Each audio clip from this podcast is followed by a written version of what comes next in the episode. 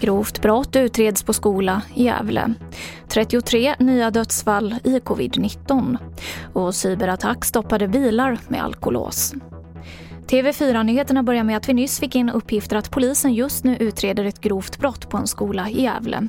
Delar av byggnaden har spärrats av enligt SVT och polisen är än så länge förtegen om vad för typ av brott det handlar om.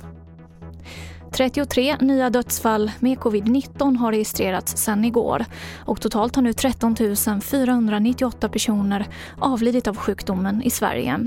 Och här hör vi enhetschefen för Folkhälsomyndigheten, Sara Byfors, om antalet smittade. Tendensen är att vi kommer att se en ökning även när vi summerar fallen för vecka 13. Det är lite osäkert att veta riktigt hur då helgen kommer att påverka för nu har vi ju fyra helgdagar framför oss eh, och vi vet ju sedan tidigare att antalet testade går ju ner på helgen. Eh, det betyder ju inte att antalet smittade går ner så att vi får se hur det kommer att spegla sig i siffrorna. Men om man tittar på de tre första dagarna den här veckan så är tendensen att vi har en ökning.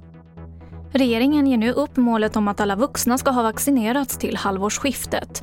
Idag presenterade istället socialminister Lena Hallengren ett nytt mål.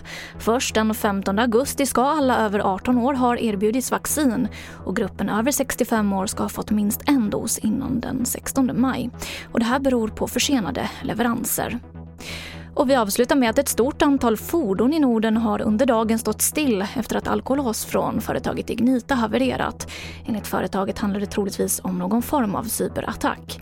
Ett av företagen som drabbats är Taxi Göteborg där uppemot 300 bilar slagits ut och färdtjänstresor och skolskjutsar har fått ställas in.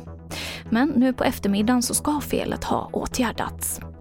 Och det var det senaste från TV4 Nyheterna. Jag heter Emily Olsson.